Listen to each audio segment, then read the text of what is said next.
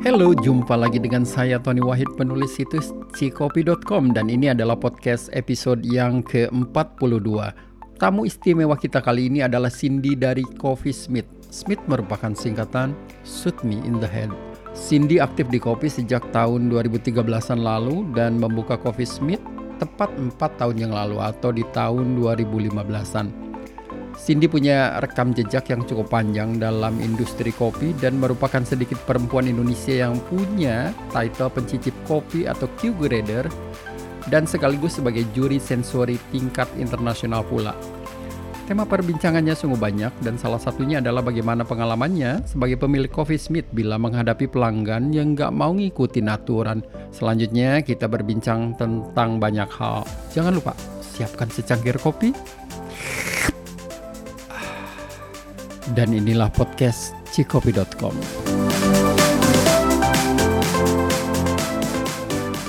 Halo. Hello, hello, selamat datang di podcast Tony Wahid cikopi.com. Halah, Halo. macet di mana sih Sin? Kenapa? Lu macet di tol biasa orang Bekasi. Be- Tol Bekasi, tempat gue dong. Om di Bekasi juga. Jati Bening, Bekasi lah. Selamanya macet, tapi tidak akan ada yang mengalahkan kemacetan di kota Eh. Bandung. Eh, Hey, Sin, kita tuh udah ketemu pertama kali di Get Back ya. Gue inget tahun 2013. iya benar. Dan waktu itu masih belum menikah. Benar. Iyo, i, saking tuanya gue gua tahu nih. Cindy dari zaman pacaran sampai lo menikah. Dan lo menikah tahun 2017 atau 2018 ya? 2017 pertengahan. Di Padang ya. Enggak di sini. Oh, di sini Mm-mm. menggunakan adat Padang. Iya dong. Oh, Padang. Tapi gue ke Bukit Tinggi itu eh, ke Bukit Tinggi tiga tahun yang lalu asik banget ya di sana. Iya, aku aja udah lama banget malah sana. Kayak 2013 malah. Indah, indah banget Padang itu sangat indah. Lu mau apa sih di sana misalnya ya? Bukit, lembah, laut, sawah, semuanya ada. Terus eh, sebelum kita masuk ke intinya nih, sebelum kita masuk kita ngomongin dulu dong Coffee Smith. Masalahnya ini Coffee Smith kan udah lumayan cukup lama dan Shoot me in the head sekarang. shoot me in the head, tapi tetap aja Smith. Masalahnya waktu itu eh, ada beberapa nama Smith ya, kalau nggak salah, dan diganti menjadi shoot me in the head. Bagus sih, lambangnya juga bagus banget, Lebih fresh ya. lebih fresh. Iya, karena ada brand chain Korea yang udah well known sih, udah ada di Taiwan, di Jepang, Korea, eh, Singapura, kemudian dia masuk Singapura dan sepertinya dia akan ekspansi ke Indonesia juga karena dia mendaftarkan namanya juga ke sini gitu. Jadi, Oh dia masuk Iya, juga baik. namanya ya ke Indonesia. mm-mm, emang mereka yang mendaftarkan. Ya my bad juga sih kita waktu bikin itu nemu nama yang terakhir Coffee Smith itu kita nggak nggak ngecek lagi padahal yang sebelumnya kita selalu cek kan udah ada belumnya udah ada terus yang itu tuh kayak, karena kita udah terlalu eh, kita udah suka udah suka terus kayak nggak cek lagi pas mau didaftarin ya udah nggak bisa Dan saat ini namanya diganti menjadi shoot me in the head dengan logo apa? Coba ceritakan tuh logonya tuh. Gimana sih bisa dapat logo itu? itu tuh sebenarnya pas aku pulang dari kantor Haki di Kuningan tuh kayak dunia tuh berhenti sejenak gitu loh kayak karena nggak bisa banget diusahain Mm-mm. Jadi kalau Coffee Smith itu kan eh, jadi dia yang terdaftar dari nama si orang Korea itu kan si Smith ya karena coffee itu kan bukan merek kan, bukan sebuah merek. Mm-mm. Jadi mau aku ganti eh, Jakarta Coffee Smith, Coffee Smith Jakarta atau apa segala macam tuh nggak bisa kan. Jakarta juga bukan sebuah merek. Jadi si Smith ini udah paten banget. Saat itu gimana caranya? Sedangkan semua orang tuh udah eh Kenal. yuk gitu. Iya. kalau bikin nama baru lagi kan susah banget kan. Terus habis itu aku random aja aku cari di kamus-kamus gitulah. Terus Smith tuh apalagi ya tadi itu cuma pengen cari nama mungkin nama bahasa lain dari Coffee Smith. Eh ternyata si Smith ini kayak bahasa slang gitu loh. Jadi kayak LOL kayak LMFO. LMFO gitu-gitu. Jadi. Smith itu kayak shoot me in the head gitu. Kayak eh, lu udah kerjain PR belum? Oh, gue belum nih terus kayak terus hashtag Smith gitu loh. Kayak bahasa slang orang-orang gitu di sana ternyata. Terus pas banget nih kayak keadaan aku saat itu kayak ah, gue nggak bisa pakai nama Coffee Smith kayak just shoot me in the head gitu. Maka jadilah nama itu. Udah terus karena itu namanya shoot in the head ya kayak paling pas namanya apa blognya tengkorak kan. Iya. dan emang kita pengen menghilangkan embel-embel dari uh, kopi-kopian juga sih sebetulnya. Merek apa kalau kemarin tuh Coffee Smith orang tuh jadi uh, generate kayak oh kita cuma jual kopi apa segala macam jadi susah aja buat mengembangkan produk dan brandnya.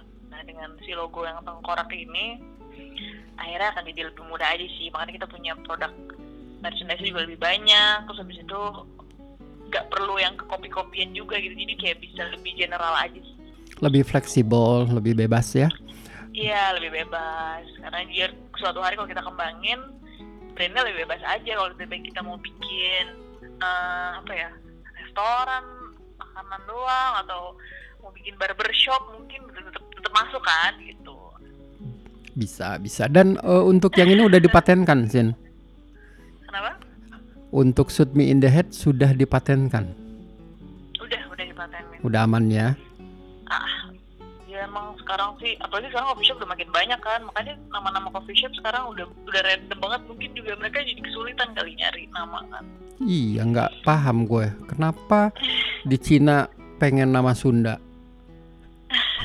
kopi iya ya kenapa ya Nggak paham di Cina itu artinya apa gitu kali atau Mungkin. feng shui-nya bagus Feng Shui-nya bagus kata dia.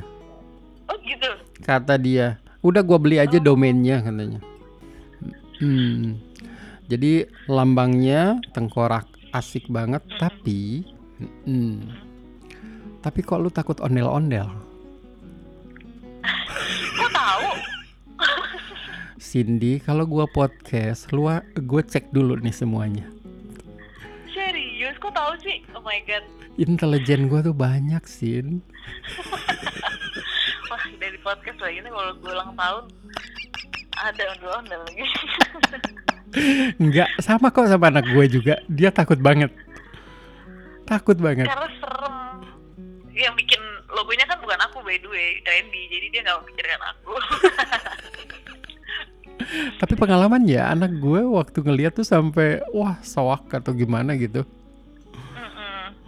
Mm, Tapi lu juga sama ya, takut banget.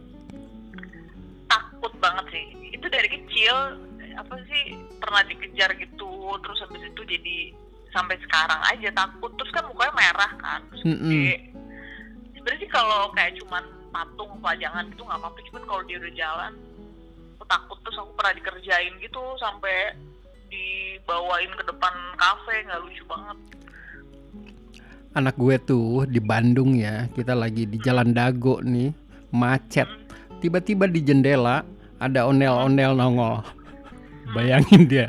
Wah, iya parah sekarang tuh kalau naik gojek tuh aku ngerasa terancam banget karena banyak banget ondel-ondel berkeliaran kan sangat, sangat. Aduh. Mm, jadi begitulah ini sekilas info buat nanti yang menyimak podcast ini. Jangan ngomongin ondel-ondel atau nyuguhin ondel-ondel sama Cindy. Mm. Nah, eh, buka Coffee Smith ngomong-ngomong tahun berapa ya? Shoot Me in the Head ini. Udah lama juga ya, Sin? bukan Coffee Smith syutingnya Iya. Waktu itu kan Bukan. pertama kali di Get Back lu Oh, iya. mulai cari-cari Oh, iya. info dan lain sebagainya. kayaknya 2000, 2015 Jadi udah empat tahunan. Ah, ah. nah Smith ini bukannya juga dari sebuah relasi yang baik dari customer dan barista kita akhirnya bertemu di coffee shop hubungannya baik akhirnya jadi temenan terus jadi partner terus punya kedai gitu Dan saat ini dikelola oleh tiga orang. Mm-mm. Aga salah satunya dan lu sama suami tercinta tentunya salah satu pasangan yang mengelola coffee shop di Indonesia. iya Hmm. Nah, eh Coffee Smith ada dua kalau nggak salah ya. Satu lagi di jalan apa? Duh, gua lupa. Gua pernah ke sana. Jalan apa sih, Sin? di 1 Om Jakarta Selatan Iya, di situ. Gua pernah ke sana juga. Ada planning buka lagi di tempat yang lainnya mungkin?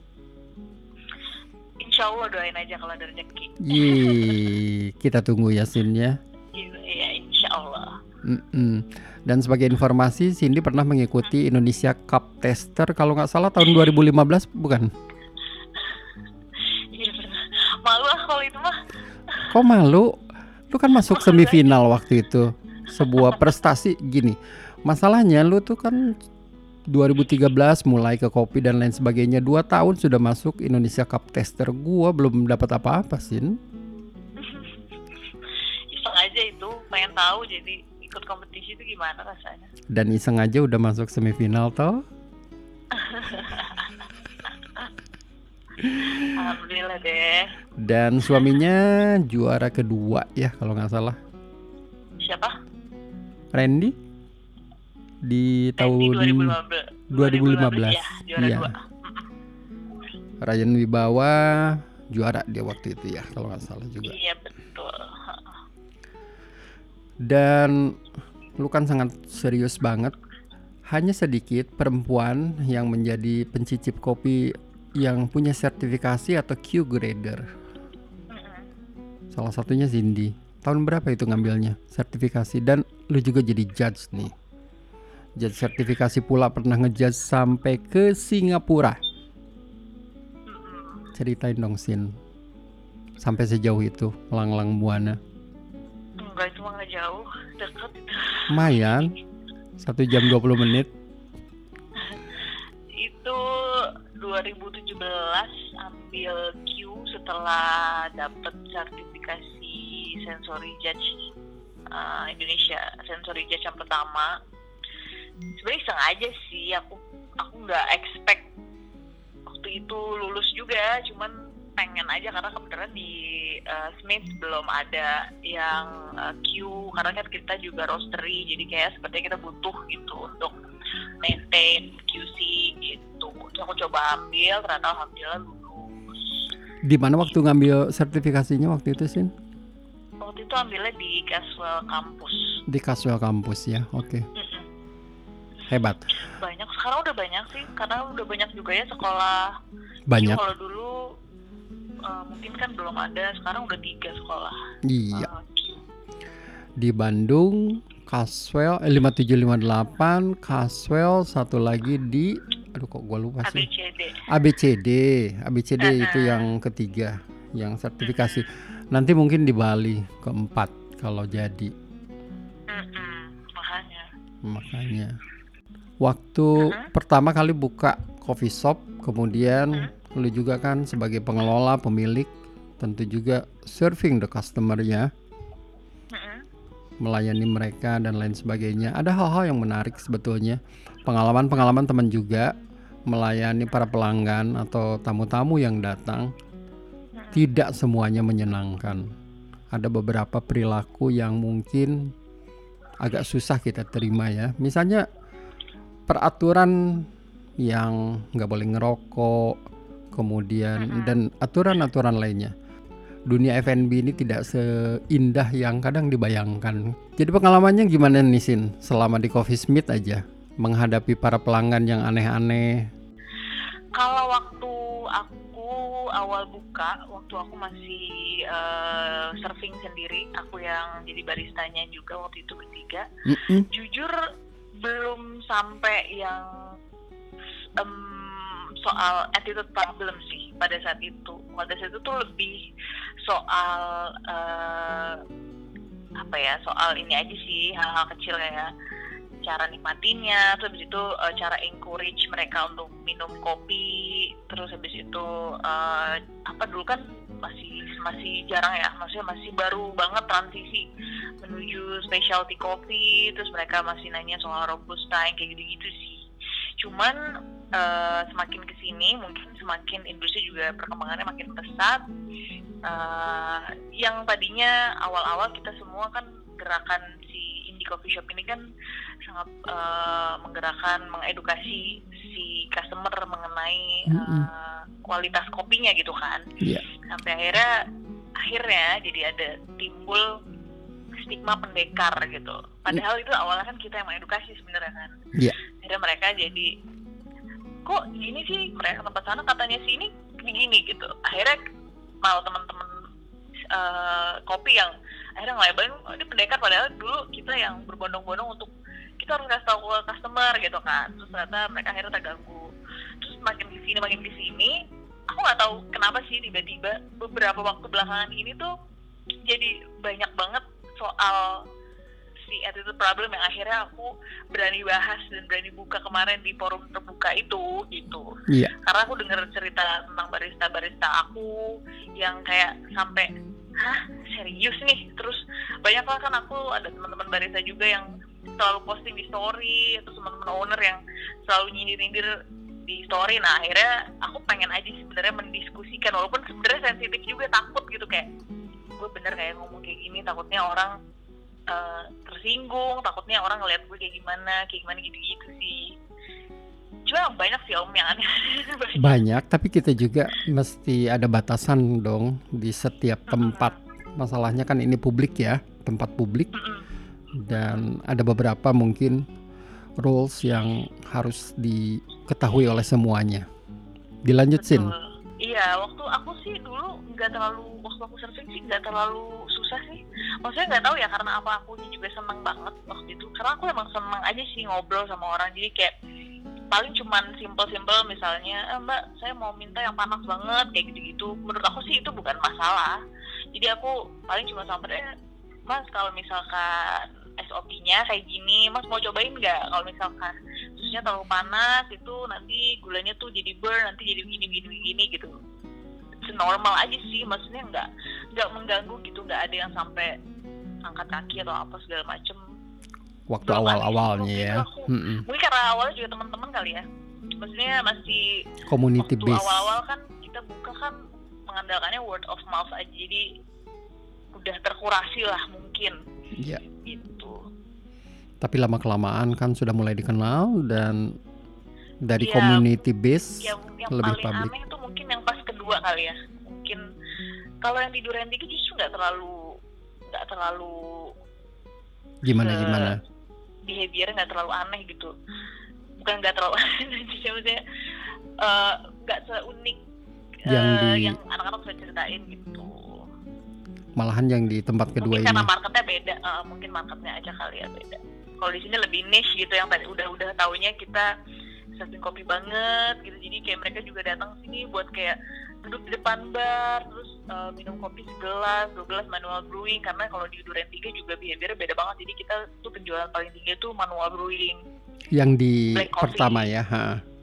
Hmm, yang di Duren tiga. Terus orang tuh uh, apa uh, coffee beansnya tuh cepet banget ininya turnovernya gitu. Beda lah kalau sama yang di di Gandaria tuh beda. Mungkin dia banyak uh, keluar yang es kopi susunya juga. Terus yang black coffee tapi bukan yang manual brewing kayak gitu gitu makanan. Jadi mungkin memang marketnya beda. Dan memang itu sebenarnya tujuannya sih. Jadi ya kadang-kadang itu ada yang lucunya dan perlu juga sih jadi jadi case buat kita belajar juga. Bagus juga ya ada pemetaan konsumen di Jakarta. Padahal sama kotanya tapi di belahan yang lain sama-sama selatan padahal ya. Sama-sama selatan padahal nggak jauh-jauh berapa kilo aja ya. Tapi ada perbedaan perilaku konsumennya ya. Jadi mapping buat konsumennya juga ya harus diperhitungkan tentunya buat nanti teman-teman yang mau buka warung kopi. Betul. Nah ada keseganan nggak sin dari teman-teman lo apa dari pihak Kopi Smith pada saat menghadapi para pelanggan yang agak aneh ini? awalnya ada, keseganan nggak untuk eh lebih baik begi eh nggak boleh begini nih misalnya. Lu nggak boleh ngerokok di sini naikin kaki atau apalah. Kalau kita negur customer gitu mm -mm, segen nggak awalnya uh, sebenarnya kalau udah soal yang aku sih kalau yang kemarin ada beberapa yang nggak aku alamin sih mm-hmm. makanya yang uh, aku share juga itu ada beberapa cerita dari teman-teman yang lain cuman kalau soal merokok di ruang non smoking itu kebenaran cukup banyak terjadi juga di tempat aku. Dan itu pasti ditegur karena takutnya mengganggu orang lain yang tidak merokok gitu. Sebenarnya sih kalau segen negurnya sih sama sekali enggak ya karena selalu ngingetin uh, anak-anak juga selama ngasih taunya itu dengan baik dengan tutur yang baik dengan sopan uh, tetap senyum. Menurut aku itu nggak apa-apa karena kan emang itu udah udah ada peraturannya. Dan kita wajib mengingatkan juga kan kan sama lah kayak kita masuk ke rumah orang setiap orang di rumah itu kan punya peraturan juga gitu. Kadang ya kita juga nggak bisa. Karena menurut aku di sini tuh banyak aja sih yang akhirnya jadi salah menafsirkan mengenai customer adalah raja gitu kan. Jadi kadang perbuatan mereka juga kurang kurang baik lah. Yang yang menurut aku tidak sepatutnya untuk dibudidayakan dalam beberapa case gitu tapi kalau misalkan permintaan-permintaan yang uh, masih wajar dan bisa di, di dikasih aku sih selalu encourage anak-anak untuk uh, kasih aja gitu. Misalnya kita sediain ice dia nggak ada eh dia mintanya hot ya kasih aja kalau misalkan bisa gitu. Itu kan part of service gitu. Karena aku juga sempat diskusi juga sih sebenarnya pada saat uh, during uh, manage coffee gitu kan aku sampai sambil nanya juga sama misalkan waktu itu nanya sama Rian Rian kan kebetulan lebih paham soal uh, manajemen service karena dia latar belakangnya di chain Starbucks, ya. besar mm -hmm. yang udah yang udah trainingnya well well trained banget gitu ini tulis semua ini wajib ini boleh ini enggak ini boleh ini enggak gitu kan iya yeah. Dengan apa skala internasional gitu jadi aku juga sempat diskusi kalau kayak gini tuh harusnya kayak gimana sih gitu karena menurut aku aku uh, kebetulan aku kan aku juga kalau pergi aku berarti bisa memposisikan diri jadi customer aku pernah menjadi barista dan aku juga owner jadi dan aku punya teman-teman juga yang barista gitu, yang owner juga. Jadi aku kadang juga juga dengerin dari berbagai sisi sih.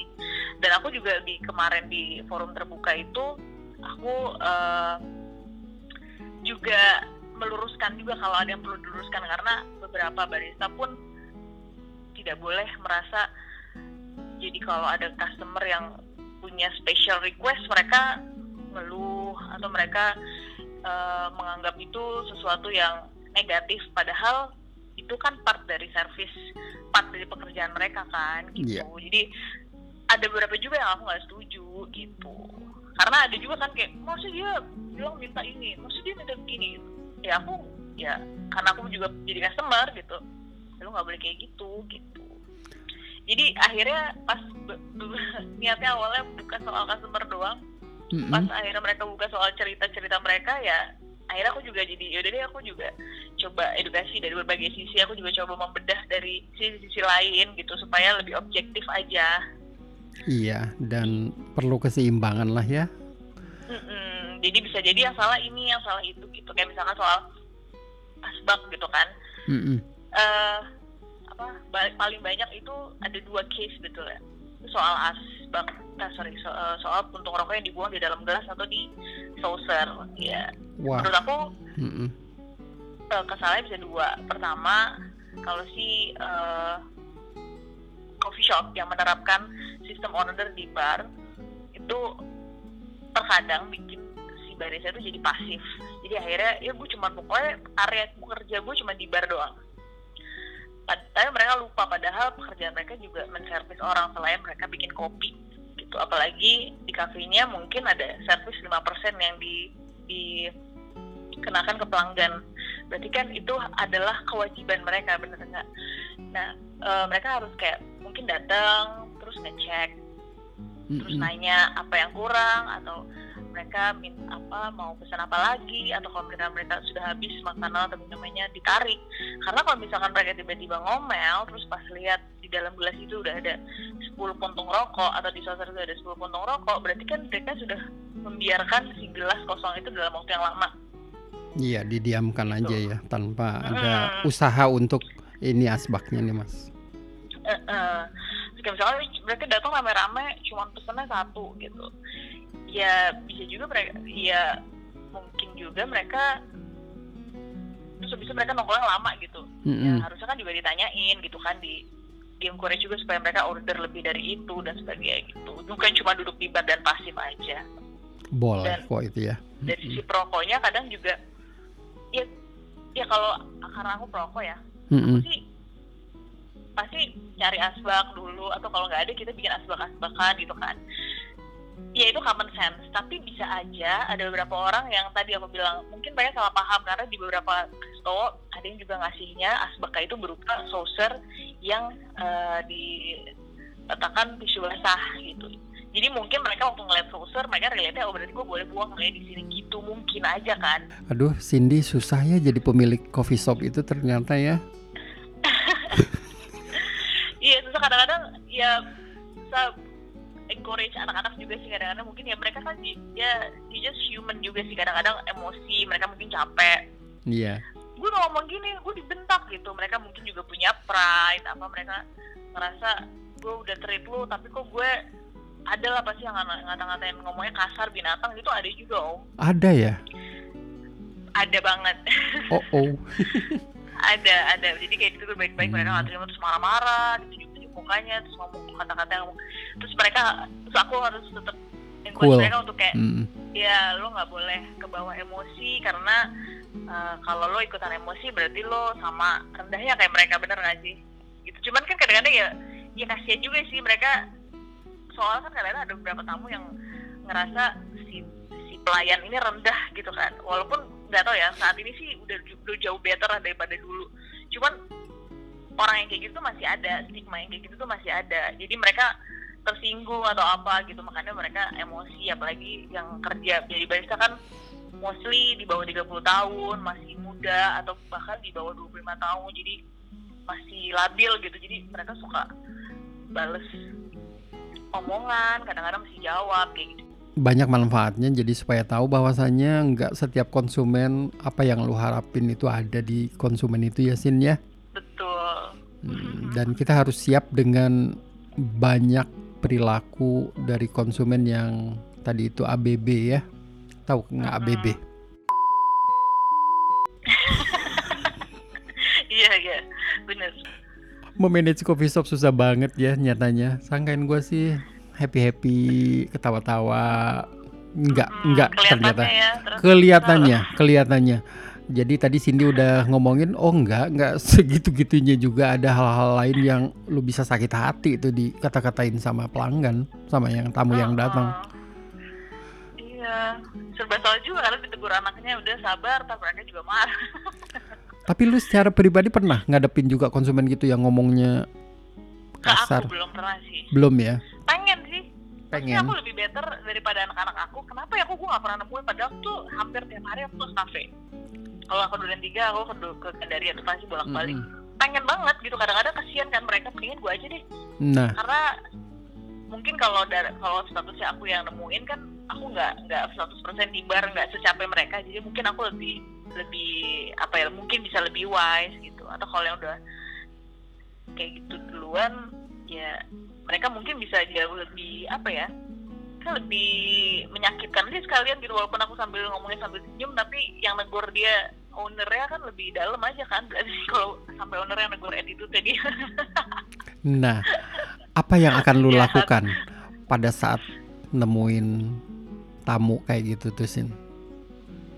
Dis- aku aku belum pernah nemuin Kalau seandainya nemuin kayak gitu, apa yang akan Oh, dilakukan? aku pasti tegur baik-baik pasti Baik-baik ya, malah nggak mungkin nggak mungkin ya. nggak mungkin tergantung lah tergantung tanggapannya dia Ya buat teman-teman yang ingin buka warung kopi, salah satu masalah yang dihadapi satu SDM yang tadi lo sebutin ya, bahwasanya kita dealing dengan anak-anak muda yang kerja di coffee shop punya emosi yang juga belum stabil dan pride yang tadi lo katakan juga dan tamu yang macam-macam itu. Hmm. Semakin Tapi ternyata pas hmm, kemarin lagi open discuss gitu temen yang buka di mall juga bilang iya gue juga customer gue angkat kaki ke meja Gue kayak ah, padahal customer mall gitu aku pikir kan gila banget itu angkat kaki ya. iya aku pikirnya behavior em, apa mungkin kan ada warung kopi itu kan ada ada beda-beda kan ada yang marketnya kelas A kelas B kelas C gitu Mm-mm. mungkin yang kelakuannya behavior customer yang paling eh, apa gitu kan mungkin yang kelasnya berapa gitu. Mungkin yang eh, harganya sekian sekian gitu atau daerahnya yang di daerah mana gitu kan di daerah mana. Ternyata enggak gitu di di daerah Jakarta Pusat terus di mall ternyata juga kayak gitu. Jadi kayak Hah, ada ya berarti kayak gitu emang ternyata nggak bisa diklasifikasikan dengan kelas ekonomi atau pendidikan ternyata gitu ya nggak Hmm. sih Sangat lo lihat aja di jalan mobil mewah juga banyak kok yang selonongan. iya sih Mm-mm. cuma bisa aja dia lagi nyetir sendiri yang punya mobil Mm, eh, tapi makasih ini podcast yang bermanfaat. Masalahnya juga mm, tetap ini dikategorikan sebagai sebuah bisnis F&B yang lo harus siapin pertama kesabaran mental untuk menghadapi tamu yang nggak semuanya perilakunya ya gitu deh yang bisa lo harapin bagus ya kayak teman-teman lo sendiri nggak bisa Iya, tapi kalau di luar tuh aku kan kemarin juga apa eh, berkesempatan lah eh, studi banding gitu kalau lagi liburan keluar gitu. Cuma di luar tuh mereka bisa apa bisa gitu. Karena kita iri aja bisa bisa mendidik customernya lah. Misalnya pas datang eh satu orang satu minuman ya kayak gitu. Satu orang sekian jam aja ya bolehnya satu label terus habis itu eh, makanya ya sekarang sih juga untungnya eh, anak-anak muda juga pada bikin eh, let's say gerakan tumpuk tengah itu kan juga membantu eh, apa berbuat baik untuk membantu kinerja si barista atau waiter di sebuah restoran gitu kan Mm-mm. ya kalau di luar kan itu udah udah udah udah common sense mereka kalau mereka datang mereka taruh bersihin sendiri gitu. Kalau di sini kan enggak ya kadang-kadang enggak. kemarin juga bilang ya Vietnam tripnya ditaruh saus gitu. Wow. gitu. Terus berceceran atau mereka bawa makanan dari luar terus sampahnya di dalam dalam meja atau ada mereka bawa anak bawa bawa pamper apa pampers yang ada kotorannya Mm-mm. taruh di meja. Mereka tinggal aja di di meja atau di kursi gitu. Yang ada kotorannya lagi itu kan. Uh, di luar apa ya itu common sense aja gitu. Harusnya kan itu, itu sampah lo itu tanggung jawab lo gitu. Belum biasa kayaknya ya walaupun ada usaha. Misalnya yang makanan itu franchise kan ada tempat sampah. Jadi encourage Mm-mm. Bahwasanya kalau mereka sudah makan simpan aja di situ dibuang sampahnya semuanya traynya Mm-mm. simpan di situ. Iya betul. Tanggung jawab aja ya udah gue bersihin gitu. Kalau di sini ya gitu deh. Pengennya juga secara mental orang kita juga perlu lah siap dengan hal yang kayak gitu gitu. Iya. jadi bukan cuman waktu bicara hospitality itu hospitality kan ya keramah tamahan tapi bukan cuman satu arah gitu loh bukan cuman dari pihak si pelayannya aja tapi ya dari dua dua manusia itu yang datang gitu iya Ya coba aja. kan? betul coba aja misalnya eh, di pesawat ada penumpang yang dikit-dikit manggil eh, mencet-mencet bel buat manggil awak kabin. Kalau lu ngelihatnya kayak gitu sebel nggak tuh? Pencet lagi, pencet lagi minta. Ya memang mereka kan tugasnya melayani, tapi kan ada batasan-batasan. betul Iya, misalnya kalau lu lagi take off kan masa lu mencet-mencet ya nggak bisa lah. Dan nggak Iya. urgent-urgent amat juga. Mm-mm. Seru banget ya pengalaman punya coffee shop nyatanya. Di luar yang gua bayangkan dengan teman-teman yang belum buka coffee shop, makanya gua nggak pernah mau buka coffee shop. jangan nggak apa-apa itu seru seru buat belajar Seru, seru, seru. Gua udah telat lah, udahlah gua mau gini-gini aja ngebacot. Apa seru tapi punya podcast ya Om ya? Lumayan, lumayan Sin. Eh, jadi ada platform yang lain aja dan lumayan juga Tetap followernya. produktif gitu ya. Eh, nafsu Di mana pun kali ya berada. gue ya, nafsu. Uh, gitu. Heh, lu ikutan podcast ya? Atau gue ancam masih mau temenan nggak sama gue? Iya iya iya iya baik baik baik. Soalnya Enggak. Om Tony yang minta ya. Enggak lah, kalau eh, kita harus paham mereka juga sibuk dan lain sebagainya. Tapi kadang ngatur jadwalnya agak susah sih. Itu aja sih kalau podcast itu. Jadi kita harus sesuaiin. Misalnya lu macet ya oke, gue tungguin sampai lu oke baru. Ya hal-hal gitu kan kita juga mesti tahu dong. Mereka punya kesibukan. Masalahnya podcast kan nelpon setengah jam lebih. Mm-mm. Biasanya durasi berapa sih Om kalau podcast gini? Apanya? Kemarin aku terakhir nonton si Ria, eh nonton lagi nonton, denger Ria sama Evelyn. Tapi beda-beda ya kayaknya ya. Beda-beda. Apa apa Om membatasi gitu? Enggak juga siapa saja yang punya topik yang kayaknya bolehlah diangkat kayak Cindy. Ini juga topik yang bagus banget buat diangkat. Ya udah gue telepon. Eh, podcast yuk gitu. Lu udah tahu kan berapa jumlah episodenya? 40-an Dua bulan. Keren. Enggak juga lah sih. Enak lagi ya. Gak perlu ini Nggak kalau perlu. nulis kan Ih, capek. edit, nulis, fotonya mesti bagus, Iya, datang iya. gitu ya. Prosesnya lama. Kalau yang ginian edit-edit dikit jadi publish. Iya. Lu inget nggak waktu terakhir gua ke Coffee Smith waktu sama Aga? Ayo dong buatin podcast. Kan gue tuh sama si Aga yang mau buat podcast. Eh si Aganya kata gue gak, lu kok nggak buat podcast sih? Oh gitu. Iya dia yang nyuruh gue buat podcast.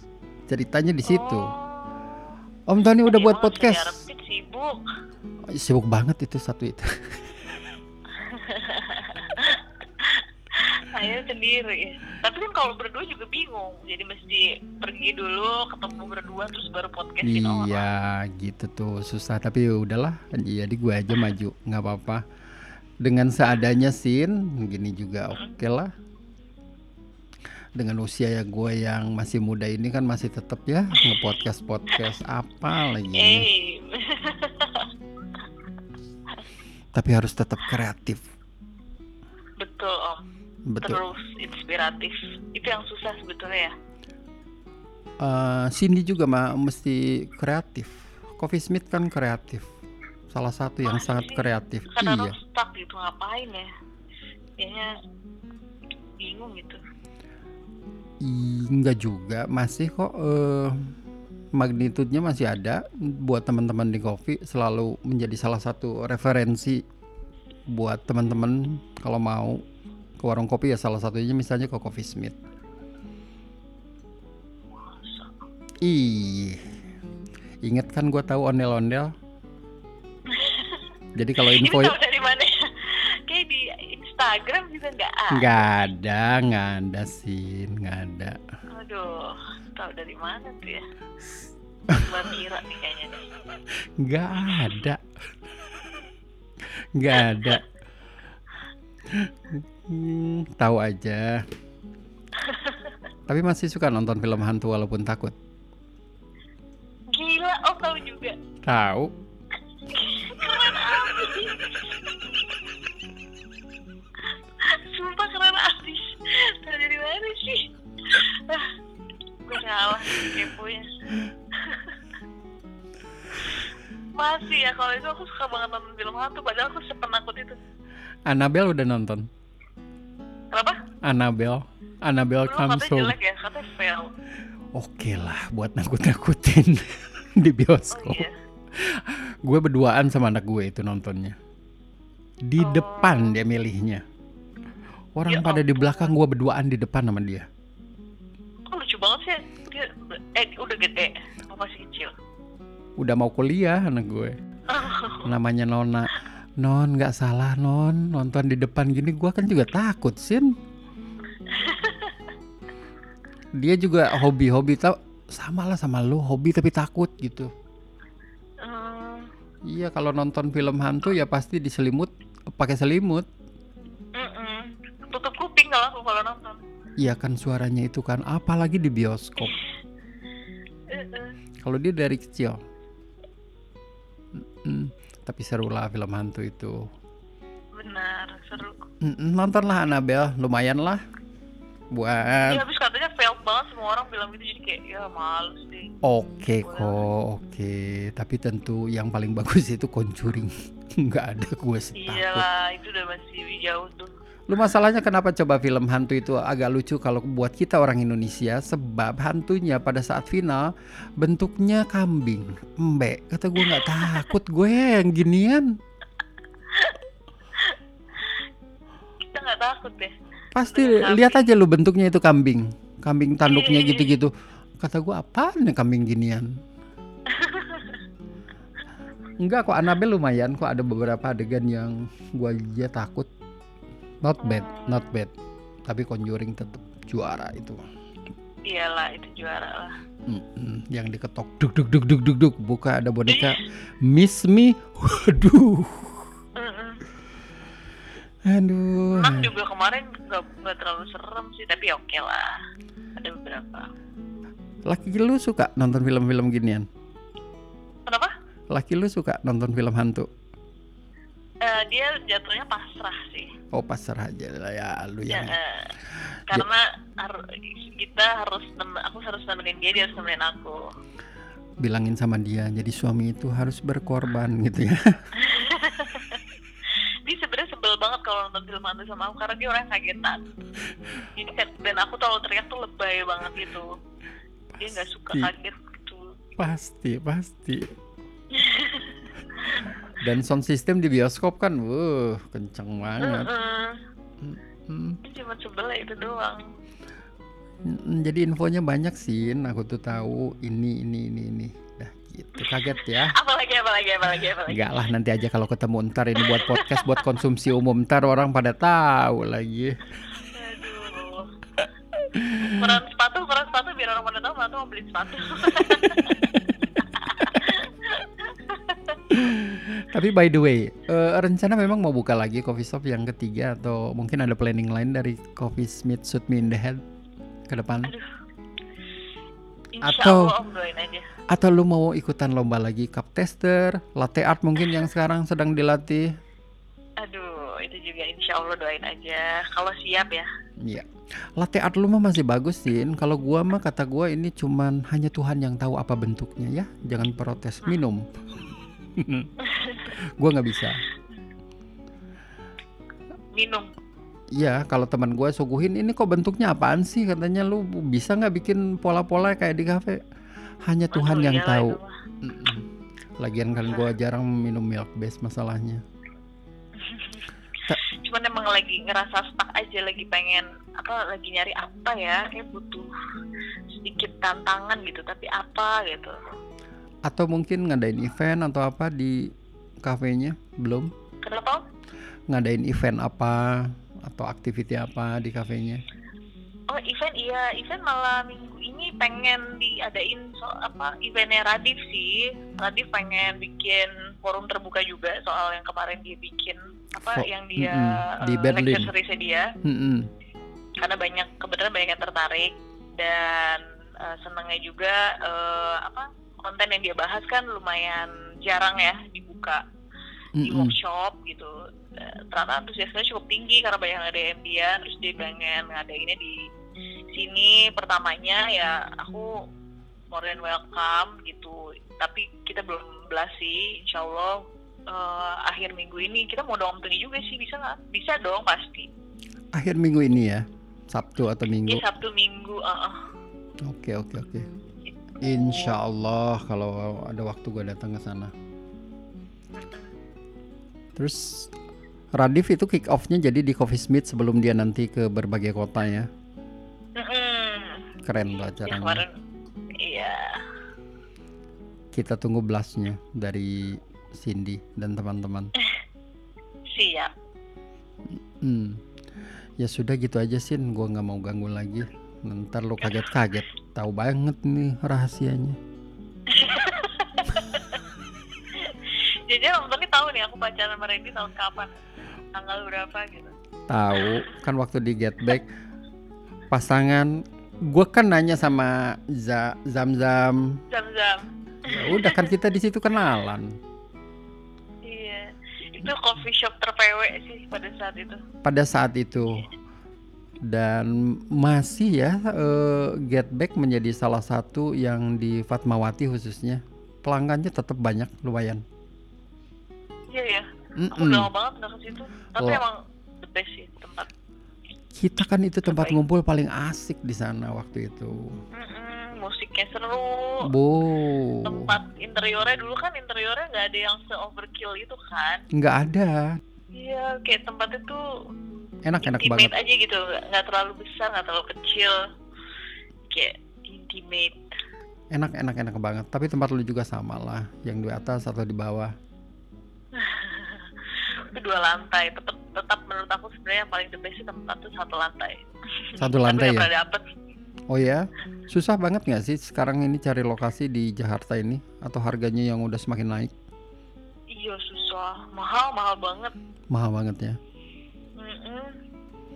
apalagi daerah-daerahnya yang kalau di udah apa daerah yang komersil ya harganya udah terlalu tinggi kadang mereka kalau misalkan sewa mintanya lima tahun atau tiga tahun lah minimal di depan kan wah dibayarnya lumayan berat ya lumayan berat makanya kadang juga kita lihat banyak juga kan yang buka banyak juga yang tutup gitu. sedih juga sih banyak banyak. Kalau kita hitung katakanlah dari satu supplier itu gue sih bisa ngitung ya sekitar 7 sampai 10 instalasi mesin seminggu. Dari satu ya. Kalau ada tiga atau lima aja. Puluhan sih per minggu dibuka di Jakarta. Gila ya. Iya kalau kita jalan ke eh sekarang Duren tiga aja udah rame banget om. Seneng sih jadi Seneng akhirnya ya. dulu takut banget kan gila nih punya tempat di sini ada yang beli ya. Ternyata udah banyak banget sekarang jalanan kayak wah udah punya tetangga gitu seru. enak kok tapi tempat lo itu asik parkirnya oke Hmm. Sem- Alhamdulillah deh kayak Iya. kita sih organik aja Yap, pelan-pelan. semoga nanti terus sukses ya Sin Iya om doain om om juga sukses terus ya. Amin semuanya kita Makin sukses podcast. Alah itu podcast YouTube iseng. dong om YouTube. Eh wajah gua udah nggak ganteng lagi Sin Si Aga gua Tapi kan yang suruh penting suaranya Om Tony kan udah khas banget tuh dari podcast ini kayak Suara gua kayak gimana sih Sin? Atau yang kayak di itu apa sih moto apa tuh? Yang otomotif itu yang pakai topeng. Oh si Motomobi aduh nggak deh apa Hmm. itu? Itu dia aja terkenal. Gua tahu nggak ya dengerin suara sendiri itu aneh tahu nggak? Iya ya bener-bener itu bener sih. Ntar lu dengerin ya suara ini Ih suara gua kok kayak gini jelek amat Aduh, Hmm. hmm. gue udah tadi udah cek-cek do do do gitu loh. Serius Gua nggak demen dengerin suara sendiri Sangat Padahal menurut lu suaranya gimana? Biasa kan? Ih suara Om Tony sih. Hmm. Maksudnya ya gitu nggak ada yang aneh Mm-mm. Tapi kalau denger tetap aneh ya Om. Ntar lu cobain aja dengerin Gak mau takut. Serius gua juga takut Sin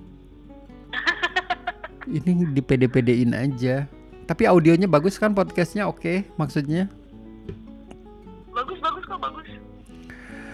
Kok Ah, gini tuh Om edit lagi ya? Dikit paling editnya Podcast itu paling enak daripada blog Dikit kalau kayak gini di telepon Om ada ada recordernya kah atau Om ad- yang ada recorder langsung dari telepon apa dari teleponan itu? Eh, Enggak Jadi handphone Kita Mm-mm. deketin ke mikrofon Masukin Mm-mm. ke sound card Langsung di hit record di komputer Jadilah podcast Oh gitu. Hmm, edit-edit dikit. Kalau yang misalnya yang nggak relevan kita edit cut cut cut cut. Udah selesai. Simple. Oh I see. Buatlah Iya, iya. atau buat YouTube. Cindy maksudnya agak Randy lucu-lucuan aja. Serius. Buat YouTube. Iya, tentang Coffee Smith dan lain sebagainya yang Hidup aku lucu. tuh nggak menarik. apa yang mau di YouTubein? Enggak lah Sin. Ide mah banyak. Lucu sih. Video 2 menit, 3 menit, di bawah 5 menit. Iya, ya, tapi habis kalau kita ngomongin kopi banget juga Nggak usah. orang kadang-kadang bosen ya kan. Nggak usah selalu ngomongin kopi apa aja kejadian yang lucu-lucu. Beneran. Jadi kan ada legasinya, jejak digitalnya ada. Hmm. Itu harus tetap adalah zaman sekarang ini. Iya sih. Mulailah. Insya Allah Om. Doain. Kalau gua mah YouTube nggak kayaknya sin. Gua podcast aja bisa menyembunyikan wajah. Lebih aman. Ngomongnya enak dan lain sebagainya. Bisa pakai celana pendek kadang ya. Kadang baru bangun tidur ya Om. Iya, kemudian eh, kalau lu nggak tahu kaki kadang di meja sambil podcast. Aduh, sambil minum kopi sambil nyerutu. ada. Waduh, Oh, enak banget, Kayak enak. Mas Adi, enggak ya? Enggak, gua nggak demen. Adi Oh, mah gila. Mm-mm. Lu tahu kita ngobrol udah berapa? Mau sejam nih. Asik, Oh iya. gile. Tapi ternyata surprisingly podcast lagi ini banget ya, naik banget gitu. Naik banget. Lumayan. Mm-mm. di udah mau seribu ya follower di Spotify kata gua kok banyak ya follow follow gue apa Gitu ya Om, gimana sih caranya aku kok gaptek? Oh bisa di follow follow gitu. Oh, maaf banget lagi aku nggak ngerti. Ah, Kalau aku lu- doang, tapi aku nggak pakai follow follow gitu. enggak itu mah orang follow supaya mereka dapat update aja jadi Oh eh, ada bacaan follownya. ada jadi langsung masuk ke playlistnya Aku enggak Hmm. waktu kemarin nyarinya susah. Nyarinya di di Spotify Cikopi Cikopi nggak ada. Ternyata Tony Wahid Tony. aja memang sih Iya. gua kan namanya Coffeelicious Podcast salah nama apa lagi itu ya